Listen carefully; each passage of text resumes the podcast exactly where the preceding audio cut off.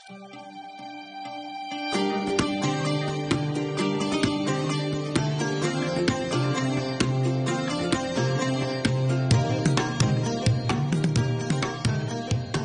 الحلقة اللي فاتت ابتدينا نحكي حدوتة الفلوس والدين والسلطة من فجر التاريخ من عصر إنسان الكهف لحد النص التاني من القرن ال 18 طب عبيطك ما قدمتش. مش عايز حاجة موديل 2023 وإزاي البنوك كدست نص ثروات العالم في في المية فقط من أهل هذا الكوكب. دي أغلى مقتنياتي. جمجمة أمي جمجمة جدتي وجمجمة خالي. نظام المقايضة قبل اختراع الفلوس. طب احلف كده إنهم دهب مستحيل أغش أخويا وحبيبي.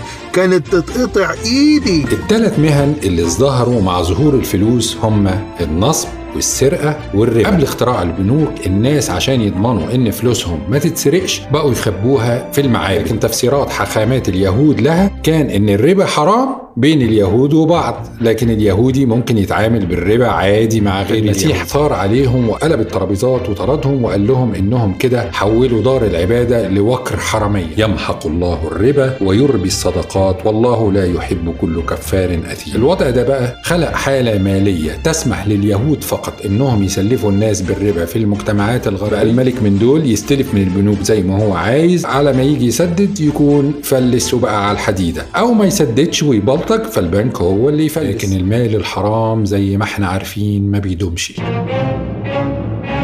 وانقلب السحر على الساحر. أيوه أسبانيا فلست أربع مرات في خلال 100 سنة. بس. الذهب والفضة لما توفروا بشكل مبالغ فيه في أسبانيا وأوروبا كلها الناس كلها بقت غنية. قرار نيوتن ده تقريبا طرد الفضة بره سوق المعاملات الكبيرة. اللي حصل على مر آلاف السنين. كون واللي حصل في 250 سنة الأخيرة ده كون تاني خالص. المعاملات المالية والاقتصاد والدنيا اتشقلب حالها تماما. حصلت تغيرات كبيرة جدا في العالم. ثورة صناعية علمانية تامة ظهرت أمريكا على الساحة. موجة احتلال واستعمار من الدول الغنية القوية للدول الفقيرة اللي عندها موارد ضخمة. آن الأوان إن البشرية توصل لدرجة عالية من النضوج الاقتصادي والتحكم في الأمور المالية على مستوى العالم كله. في حلقة النهاردة هنكمل الحدوتة بتاعتنا لكن هيطلع براها عنصر مهم اللي هو الدين الدين زي ما سمعنا في الحلقة اللي فاتت كان له دور حيوي ورئيسي في الحدوتة هنلاحظ إن في الجزء الثاني اللي هنتكلم فيه النهاردة الدين ملوش أي دور.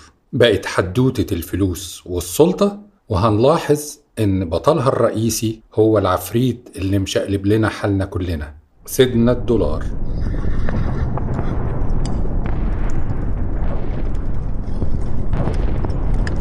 اللي إحنا سامعينها دي تبقى أصوات معركة ووترلو واحدة من أشهر وأكبر المعارك في تاريخ البشرية. ومعركة ووترلو اتقتل فيها حوالي 40 ألف جندي من الجانبين في نص يوم. فرنسا لوحدها في جانب وتحالف بريطاني ألماني هولندي في الجانب الآخر. المعركة حصلت في أراضي بلجيكا يوم الحد 18 يونيو سنة 1815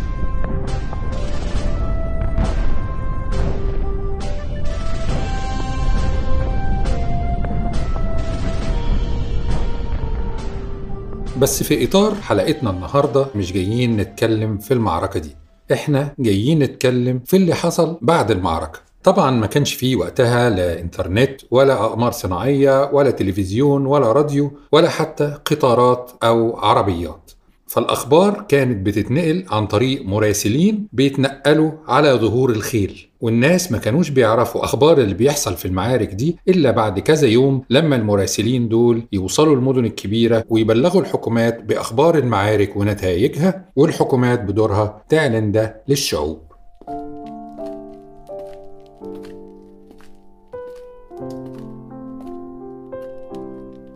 تمام المعركة انتهت خلاص في نص يوم زي ما قلنا وإحنا دلوقتي بعدها بيومين. يوم التلات 20 يونيو سنة 1815 بالليل.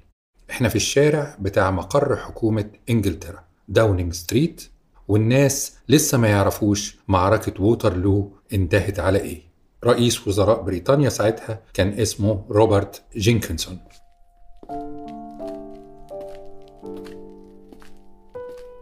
مين بقى اللي ماشي في داونينج ستريت ده؟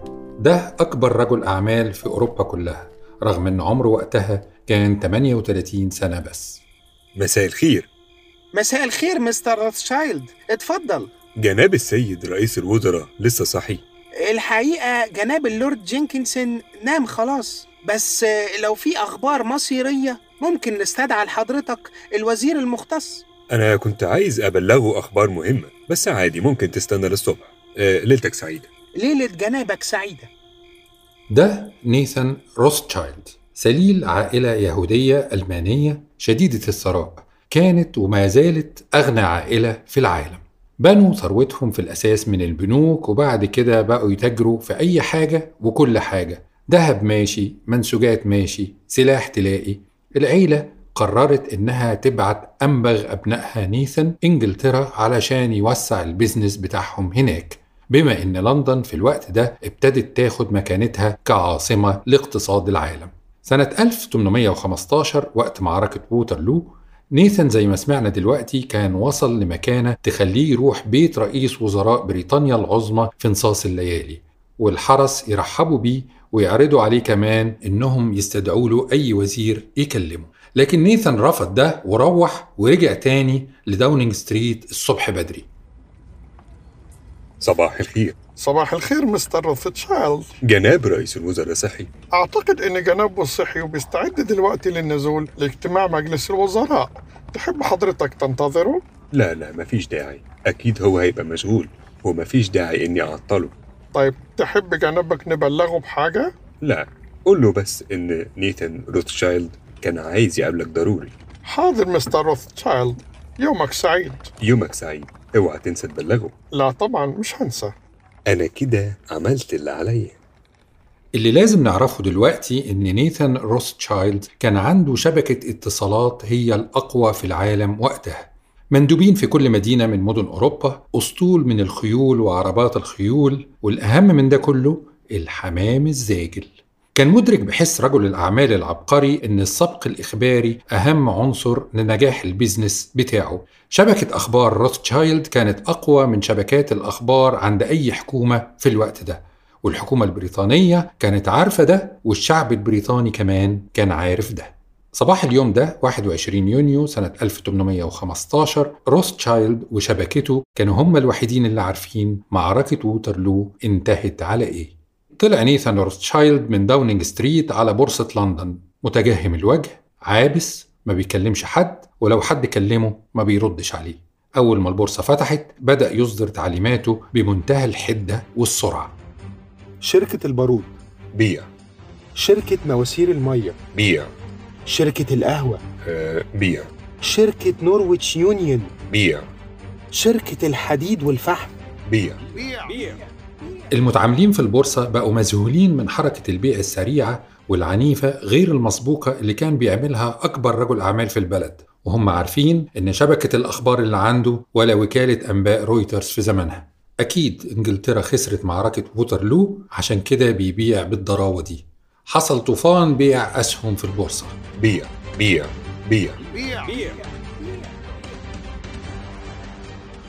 تاني يوم الصبح بريطانيا صحيت على خبرين مهمين جدا. الخبر الأول إن البلد انتصرت في الحرب انتصار مدوي لدرجة إنه قضى فعليا على عصر نابليون بونابرت كأسطورة من أهم أساطير العسكرية في العصر الحديث.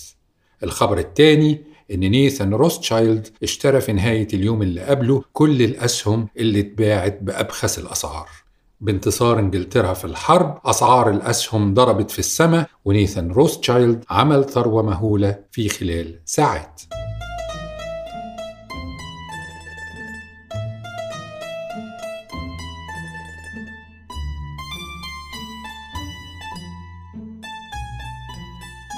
عيلة روثشايلد ما كانوش مجرد رجال أعمال شاطرين واصلين لصناع القرار في بريطانيا دول هم اللي كانوا بيمولوا الجيش البريطاني في الحرب.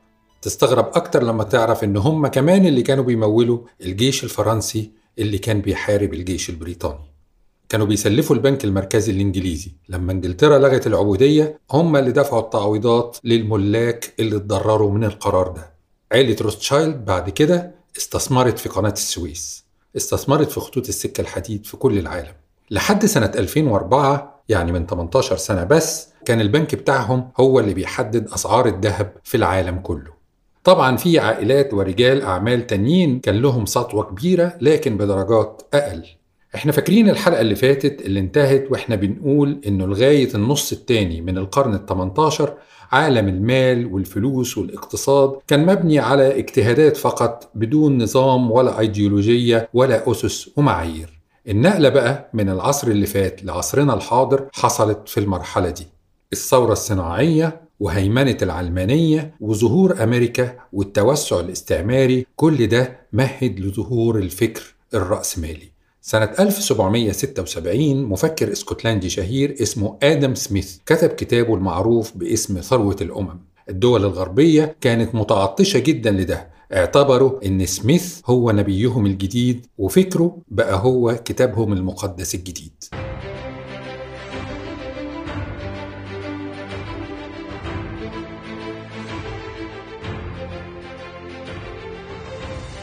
نصح سميث في كتابه الحكومات إنها تطلق أيدي البنوك وتديها حرية كاملة وإنها ما تعملش أي قيود على الأسواق ولا على أصحاب الأعمال. وقال سميث إنه لما كل فرد في المجتمع يخلي باله من مصلحته ده هيصنع بالضرورة مجتمع ناجح وهيظبط الأسواق بشكل تلقائي وضرب سميث مثل بالجزار.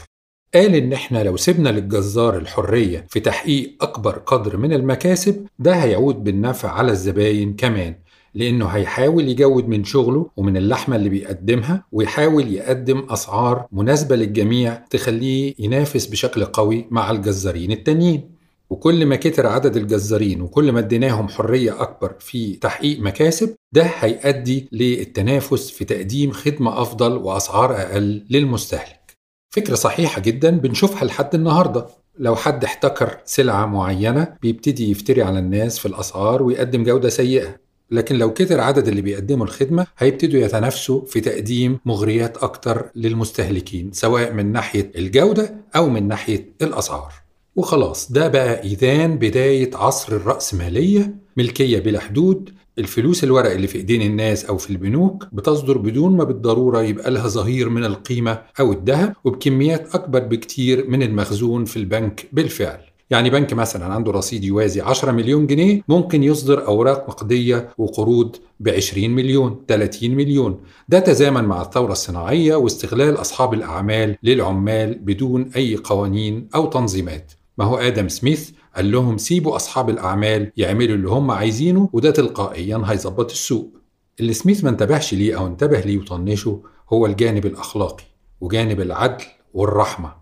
هو بص للجانب الاقتصادي البحت السوق الأرباح الأسعار لكن العمال اللي بيشتغلوا عند صاحب العمل أوضاعهم إيه؟ الفقير اللي ما معهوش يشتري حتى بالسعر القليل هيعمل إيه؟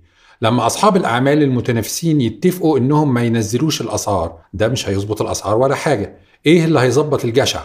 فعلى مدار المئة سنة التالية أوضاع العمال في أوروبا تدهورت بشدة عدد ساعات عمل غير محدود أجور زهيدة مفيش لا مساكن صحية ولا علاج ولا معاشات ولا رعاية لأسر العمال. ما هو المبدأ؟ إن كل واحد يشوف مصلحته. يبقى الهدف الأوحد لصاحب العمل اللي في مركز قوة إن هو يحقق أعلى أرباح ممكنة والهدف الأوحد للعمال اللي بيشتغلوا عنده إنهم يحافظوا على لقمة عيشهم ويرضوا بأي حاجة يديها لهم.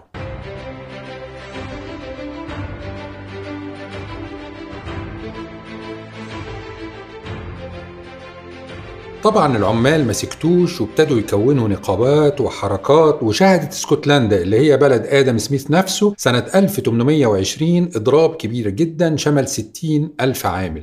شوية شوية ابتدت الشيوعية تتبلور على أيدين كارل ماركس في مقابل رأسمالية آدم سميث. شيوعية كارل ماركس بتختصر أحداث العالم في صراع بين البرجواز اللي هم طبقة الرأسماليين والبروليتاريا اللي هم طبقة الناس اللي بيشتغلوا عندهم. وبيتصور ماركس إن المعركة دي تنتهي بانتصار العمال وفرض نظام متطرف في الاتجاه العكسي. منع توارث الأموال منع الملكيات الخاصة تأميم وسائل المواصلات والاتصالات إلغاء كل البنوك والاكتفاء ببنك مركزي واحد إلغاء جميع الفروق بين كل الطبقات. حتى في أواخر أيام ماركس اقترح نظام شبه نظام المقايضة بدل الفلوس. نظام المقايضة فاكرينه؟ اللي اتكلمنا عنه في الحلقة الأولى في أهل الكهف وخربق وجاجا وتبديل لبن المعيز بلحم الغزال. اقترح ماركس إن الموظف ياخد شهادة عمل بعدد الساعات اللي بيشتغلها ويستلم في مقابلها بضائع تتناسب مع حجم شغله. طبعا غير خافي على أحد المشاكل العويصة اللي ممكن تقابل فرض نظام زي ده فضلا عن استحالة تنفيذه أساسا وتعارضه مع النزعة الطبيعية للبشر في التميز والتملك والحرية. لكن أفكار ماركس فتحت الباب للبشر إنهم يفكروا في نماذج بديلة للاقتصاد. نماذج تكون وسطية أكتر من النموذج الرأسمالي القح والنموذج الشيوعي الفج. تيارات وأحزاب اشتراكية أو وسط بين الرأسمالية والاشتراكية.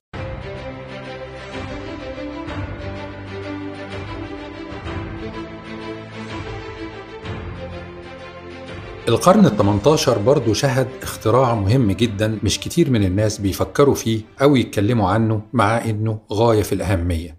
الاختراع ده هو الفاترينات. بدأت الفاترينات في باريس ومنها انتشرت في أنحاء العالم والفاترينات مهمتها كانت زغللة العينين. واللي عينه تزغلل بيبقى نفسه يشتري لو يقدر أو يحس بالحرمان والفروق الطبقية لو ما معهوش يشتري. وحصلت الفاترينات بعد كده في القرن العشرين تحديدا سنة 1916 ال supermarkets. وفي السوبر ماركت هتشتري يعني هتشتري ولازم هتشتري أكتر من اللي أنت محتاج له. وفي ظل هيمنة النظام الرأسمالي ابتدت الأزمات المالية تتكرر ما بين الحين والآخر في كل دول العالم. فالحكومات وصناع القرار قالوا بينا يا جماعة نحاول ننظم المسائل. أول خطوة عملوها هي ربط الفلوس بالذهب. عشان ما تبقاش في طباعة فلوس ورقية بدون حساب. كل ورقة نقدية تساوي مقدار معين من الذهب. وكمان سبيكة الذهب تبقى ليها قيمة محددة عشان أسعار الذهب تفضل ثابتة إلى حد ما وبالتالي تتم السيطرة على التضخم.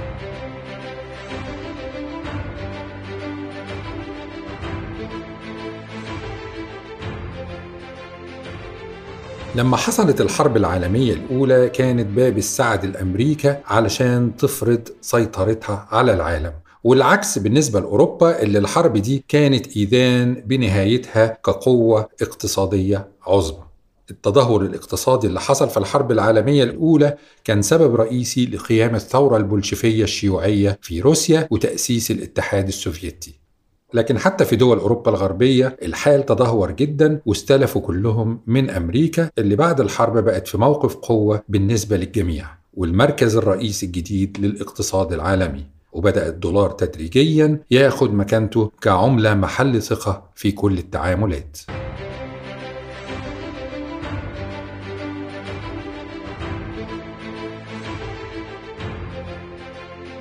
زي ما قلنا الأزمات المالية هي ديدا النظام المالي العالمي الحالي. أغلب الوقت تضخم وما بين الحين والآخر كساد.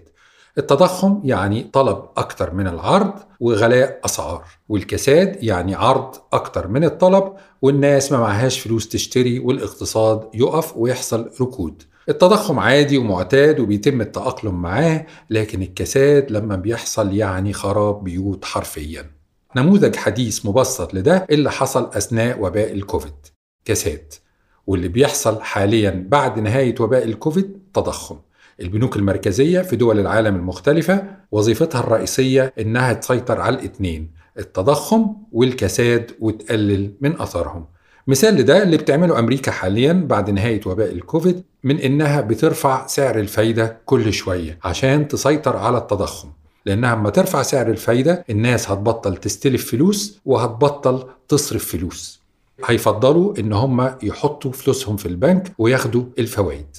ولما يحصل كل ده الإنفاق هيقل والبضائع هتزيد ومش هتلاقي ناس كتير يشتروها وبالتالي الأسعار تقل أو على الأقل ما ترتفعش بشكل مبالغ فيه. كساد العكس. ينزلوا سعر الفايدة فالناس تستلف فلوس كتير وتفضل إنها ما تحطش فلوسها في البنك ويشتروا وعجلة الاقتصاد تمشي مع حركة البيع والشراء. يوم 30 أكتوبر سنة 1929 صحيت أمريكا على كابوس ما حصلش زيه في التاريخ لا قبله ولا بعده.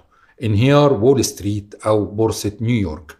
وده حصل مع نهاية تعاملات اليوم السابق 29 أكتوبر سنة 1929 أو التلات الأسود تم بيع أكتر من 16 مليون سهم في يوم واحد بس خراب بيوت مستعجل ملوش نظير ليه ده حصل؟ حصل نتيجة فقاعة أسهم في البورصة يعني إيه فقاعة أسهم؟ برضو طبقا لنظرية العرض والطلب في الفترة السابقة للانهيار يعني عشرينات القرن العشرين حصل إقبال شديد على شراء الأسهم. شراء الأسهم بقى ترند زي شراء العقارات كده اليومين دول. الأسهم أسعارها غليت جدا أكتر من قيمتها الحقيقية والناس بقوا يستلفوا فلوس عشان يشتروا أسهم في البورصة البنوك قللت الفوائد عشان تزود عدد القروض مع قلة المرتبات ونقص الوظائف حصل عجز عن السداد وإفلاس شبه جماعي. بعد انهيار بورصة أمريكا وإفلاس شركاتها انهارت بنوك مركزية وحصلت إفلاسات في أنحاء العالم وخصوصا أوروبا وحصل كساد عظيم استمر عشر سنين. الكساد ده كان نتيجته نهاية شهر العسل بين الدولار والذهب.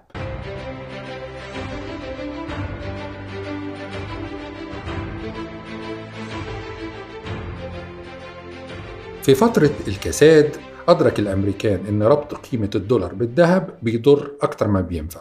ليه؟ في الوقت ده أمريكا كانت بتصدر بضايع رخيصة لأوروبا ومش محتاجة تستورد من أوروبا إلا حاجات بسيطة. البنوك الأوروبية في الوقت ده قررت تخفض قيمة عملتها أو تعويم بتعبير آخر عشان ترخص أسعار بضايعها وتقدر تنافس أمريكا. أمريكا طبعا ما عجبهاش الكلام ده لا عايزة الدولار يتأيد بسعر الذهب ولا بالعملات التانية. ابتدت أصوات المفكرين الاقتصاديين في أمريكا تعلى وتقول إنه لازم ده كله يتغير لكن عشان التغيير يحصل كان لازم أمريكا تستنى اللحظة المناسبة.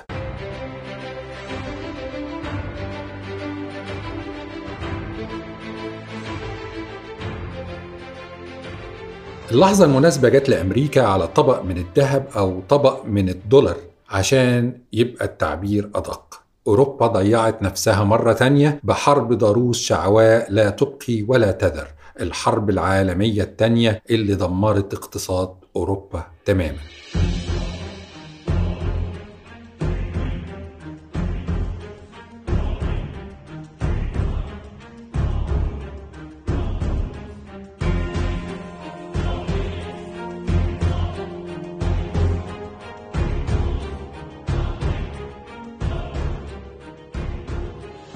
أمريكا ما دخلتش الحرب إلا سنة 1942 بعد ثلاث سنين من قيامها وكان دخولها بمثابة طوق نجاة لأوروبا. قلب موازين الحرب تماما لصالح الحلفاء بس هي دي الفرصة اللي الأمريكان كانوا مستنيينها.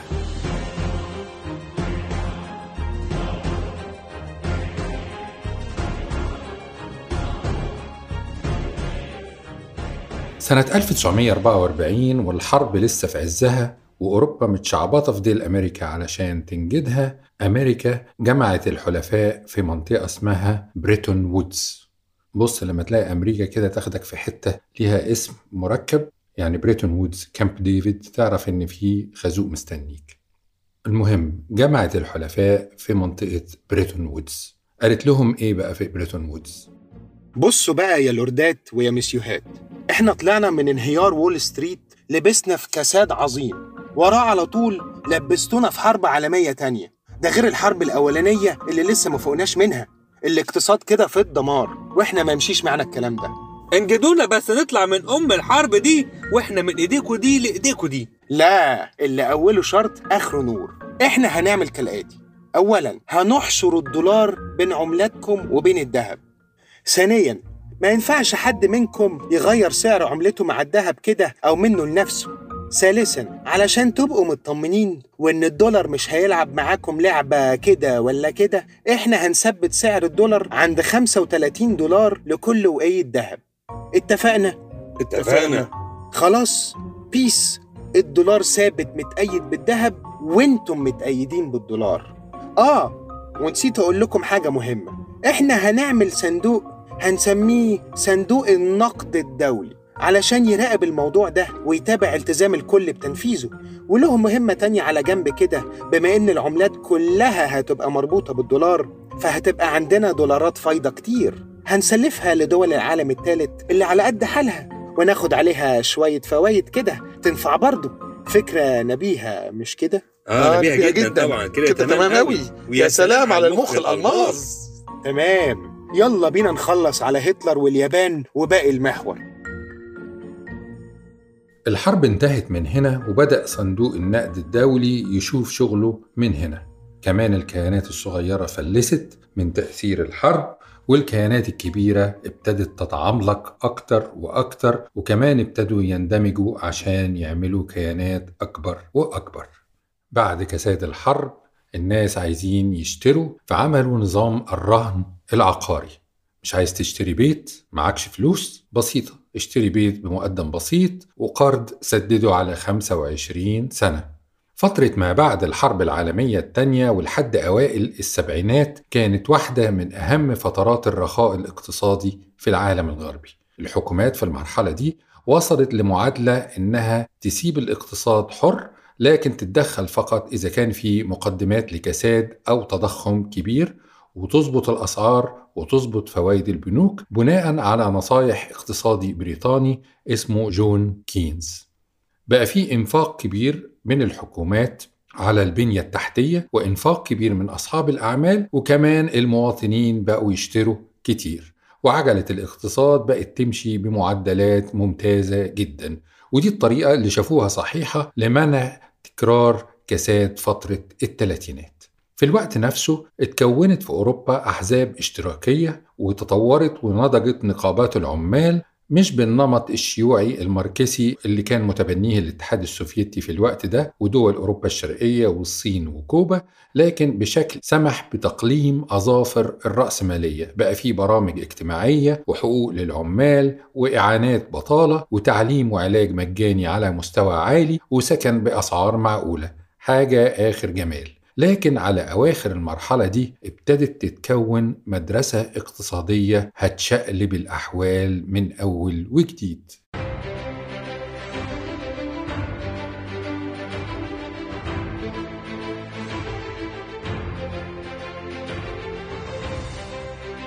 في أواخر الستينات ابتدت تظهر مدرسة اقتصادية جديدة اسمها النيو ليبرالية.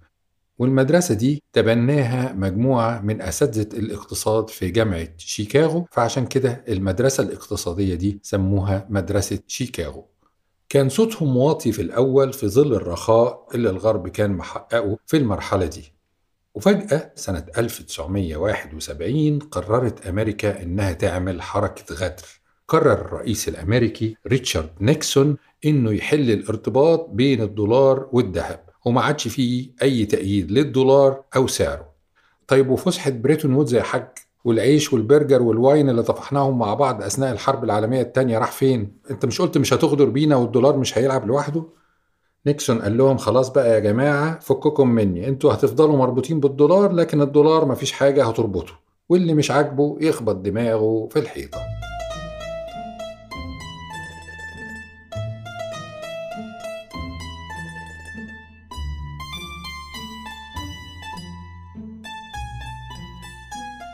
على أوائل السبعينات دخل العالم في مرحلة كساد جديدة خصوصا بعد الأزمة الاقتصادية الكبيرة اللي سببها استخدام العرب لسلاح البترول في حرب 6 أكتوبر.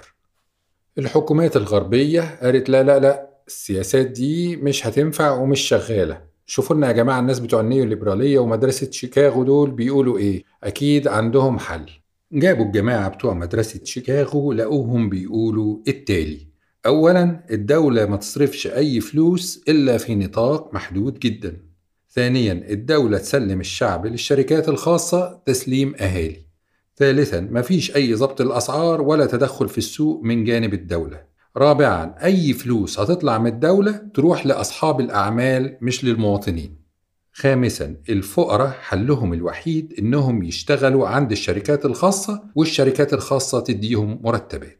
سادسا إن التقييم الاقتصادي الوحيد اللي يعتد به في أي دولة هي أرقام النمو وإجمالي الناتج القومي وعجز الموازنة إلخ إلخ إلخ. مش مهم أحوال المواطنين إيه. سابعا لو زودنا الفلوس في إيدين الناس ده هيزود الطلب أكتر من العرض فهيغلي الأسعار. لكن لو زودنا الفلوس في إيدين أصحاب الأعمال هينتجوا أكتر ويبقى عرض كتير وطلب قليل وده يخفض الأسعار و everybody lives happily ever after.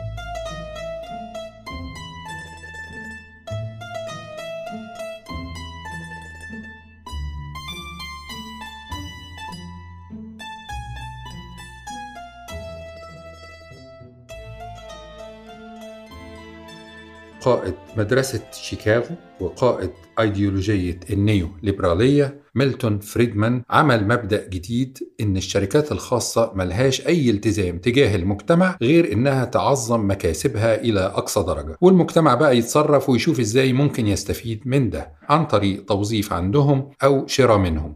وكمان قال إن تقييم أي مجال أو قيمة في الحياة يكون فقط من خلال الربح والخسارة المادية. الله الله الله. إحنا كده دخلنا في رأسمالية أسوأ من رأسمالية آدم سميث. تلقفت الحكومات الغربية المبادئ دي وأرستها على إن هو ده النظام الاقتصادي العالمي اللي لازم يتطبق في كل الدول أيا كانت ظروفها. وبالتالي تبقى معايير الحكم والتقييم على الجميع. ويتبع ذلك صندوق النقد الدولي والبنك الدولي وباقي المؤسسات الاقتصادية العالمية. نتيجة لده اعتبرت المؤسسات الدولية ديكتاتور عسكري مستبد. طاغية زي بينوشيه في شيلي عمل معجزة اقتصادية ودعموه رغم بؤس أحوال شعبه لمجرد إنه مشي على أجندة شيكاغو بالحرف والمسطرة. في بريطانيا اتبنت تاتشر النيوليبرالية وفي أمريكا اتبناها رونالد ريجان واتباعت الخدمات العامة لشركات خاصة. وابتدى يحصل في العالم كله وباء قروض. قروض بلا حد أقصى قروض في كل حاجة كله يستلف من كله حكومات من خاص حكومات من حكومات خاص من خاص خاص من حكومات ناس عاديين من خاص ناس عاديين من حكومات. وبما إنه مفيش ارتباط بين الدولار والذهب مجرد ورق بيطبع وبما إن الهدف تعظيم الأرباح المادية وبما إنه مفيش سقف للأسعار وبما إن الهدف فقط هو أرقام النمو وأحجام الفلوس الورقية المتداولة وعمليات البيع والشراء وبما إن كل شيء في الحياة بيقيم فقط بمعادلات الربح والخسارة النقدية وصلنا لسلسلة لا محدودة من البيع والشراء بأرقام فلكية لا يوجد لها أصلا ظهير من القيمة الحقيقية. توحش الموضوع بشكل أفظع بالتوسع في المعاملات الإلكترونية والكريدت كارد فما بقتش حتى محتاج تطبع فلوس مجرد رقم على الكمبيوتر بيتنقل من حسابي لحسابك وبالعكس.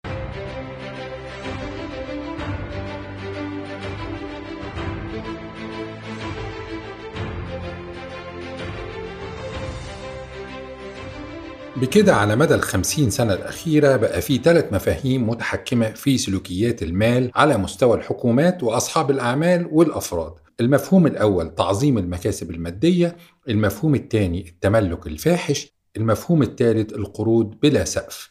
أسلوب الحياة ده عمل عدم مساواة وطبقية غير مسبوقة. وصل الحال بينا إن 50% من ثروات العالم محصورة في إيدين 1% فقط من البشر. هل طبيعي إن شخص تبقى ثروته 100 مليار دولار؟ هل طبيعي إن الثروات تبقى بدون سقف؟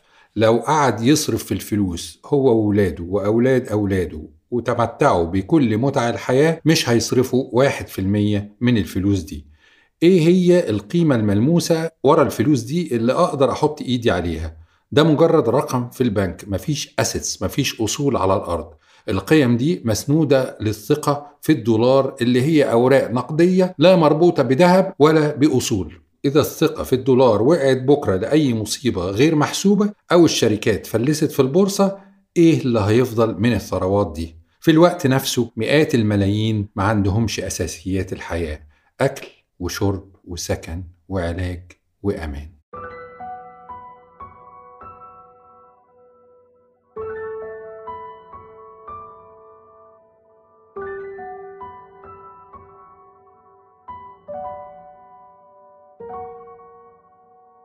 حتى لو كنت إنسان عادي ربنا سترها معاك بسكن حلو وعندك اللي مكفيك ومكفي أولادك أكل وشرب وعلاج وتعليم وخدمات وترفيه. هتلاقي إن أنت دايما مضغوط بقروض مضغوط برغبة في تملك المزيد مضغوط بتعظيم مكاسبك المادية. هو ده اللي بيتحكم في حياتك إلى حد كبير. دايما في أغلى وأكتر ماديا. وده ينطبق على الفن والثقافة والرياضة والعلاقات الأسرية والصداقة ووقتك بتقضيه إزاي. حتى في ممارسة الشعائر الدينية والروحانية وتمتعك بالطبيعة. في دايما جهة ما لها استفادة بتعظيم مكاسبها المادية من وراء كل حاجة من دول وللأسف بيدي أفضلية لإنتاج وأعمال وسلوكيات ممكن ما تبقاش هي الأجود لكنها الأعلى في الأرباح المادية.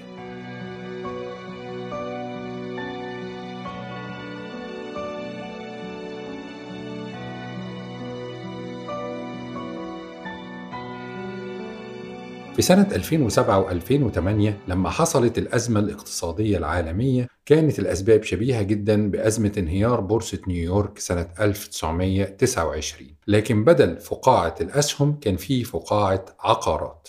البنوك أسرفت في القروض لناس مش هيقدروا يدفعوا أقساط البيوت اللي اشتروها اللي هي أتمنها أصلا أعلى بكتير من قيمتها الحقيقية. وبالتالي الناس فلسوا والبنوك كمان فلست. بقى في فلوس في الهوا لا البيوت قيمتها تساويها ولا الناس معاهم أموال حقيقية تساويها. الملفت للنظر في الأزمتين سواء أزمة الكساد في الثلاثينات أو أزمة 2007-2008 إن الناس بسبب أزمة الفلوس رجعوا يتعاملوا بالمقايضة تاني. مفيش سيولة فبقوا يبدلوا بضايع مع بعض. في سنة 2010 مثلا كان في 400 شركة بيتعاملوا بالمقايضة وعملوا أكثر من 450 ألف معاملة. وما زالت حتى الآن الكثير من الحكومات والشركات والأفراد لما بيجوا يتبادلوا التجارة ويتبادلوا المعاملات بيتبادلوها في شكل سلع مش فلوس لعدم وجود السيولة أو لتوفير السيولة لأغراض أخرى. لما حصلت الأزمات المالية في القرن التاسع عشر تمت إعادة ضبط الاقتصاد عشان ما تتكررش الكوارث تاني. ولما حصل الكساد العظيم في ثلاثينات القرن العشرين برضو تمت إعادة ضبط الاقتصاد وده حقق الرخاء في فترة ما بعد الحرب العالمية الثانية لكن ده ما حصلش للأسف بعد كارثة 2007 و2008 صحيح بقى في إجراءات بسيطة لعدم الإسراف في القروض لكن ما زلنا ماشيين في نفس المسار بتاع النيو ليبرالية وخبراء الاقتصاد متوقعين كوارث جديدة من الحجم التقيل في أي لحظة.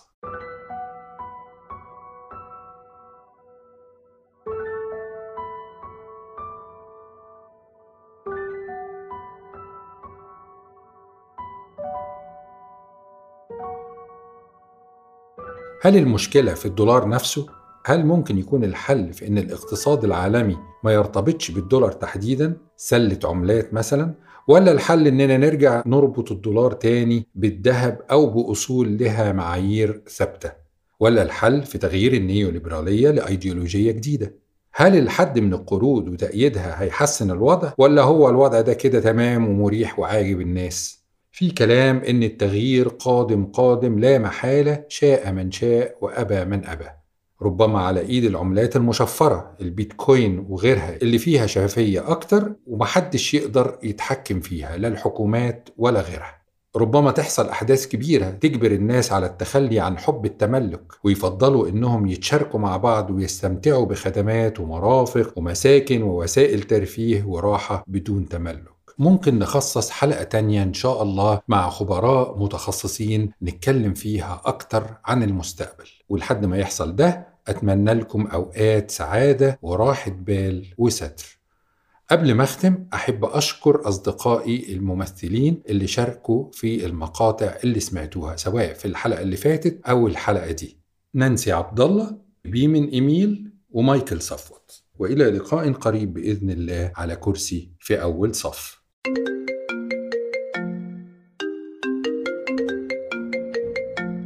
ألو؟ مساء الخير يا باشمهندس كريم. مساء النور. الله انت تاني؟ سارة أنا مش قلت لك ما تتكلميش تاني هعمل لك بلوك والله. سارة مين بس يا باشمهندس؟ أنا منال. لا انت صار الرقم متسجل عندي أهو. سارة قرض مش عايز قرض مش عايز. ده تليفون الشغل بقى معايا أنا دلوقتي. سارة خلاص اترفدت. اترفدت. ليه كفل الشر؟ واحد من العملاء بتوعها هرب بقرض 60 مليون جنيه ومتحولة يا عيني للنيابة هي كمان ادعيلها كمان نيابة؟ يا ساتر يا رب. وانت كمان بتاعت قروض؟ لا أنا بتاع credit card. أكيد أنت محتاج credit card. لا بقول لك إيه؟ ربنا يعمر بيتك. عندي تلاتة وخاربين بيتي فوايد كل شهر مش عارفة أسددهم. حلي عني. اسمع مني بس. ده أقوى credit card في مصر. ما فيهوش رسوم سنوية وبيديك عشرة في المية كاشباك من المشتريات وبيعمل لك تخفيضات في السنوات وبيجمع لك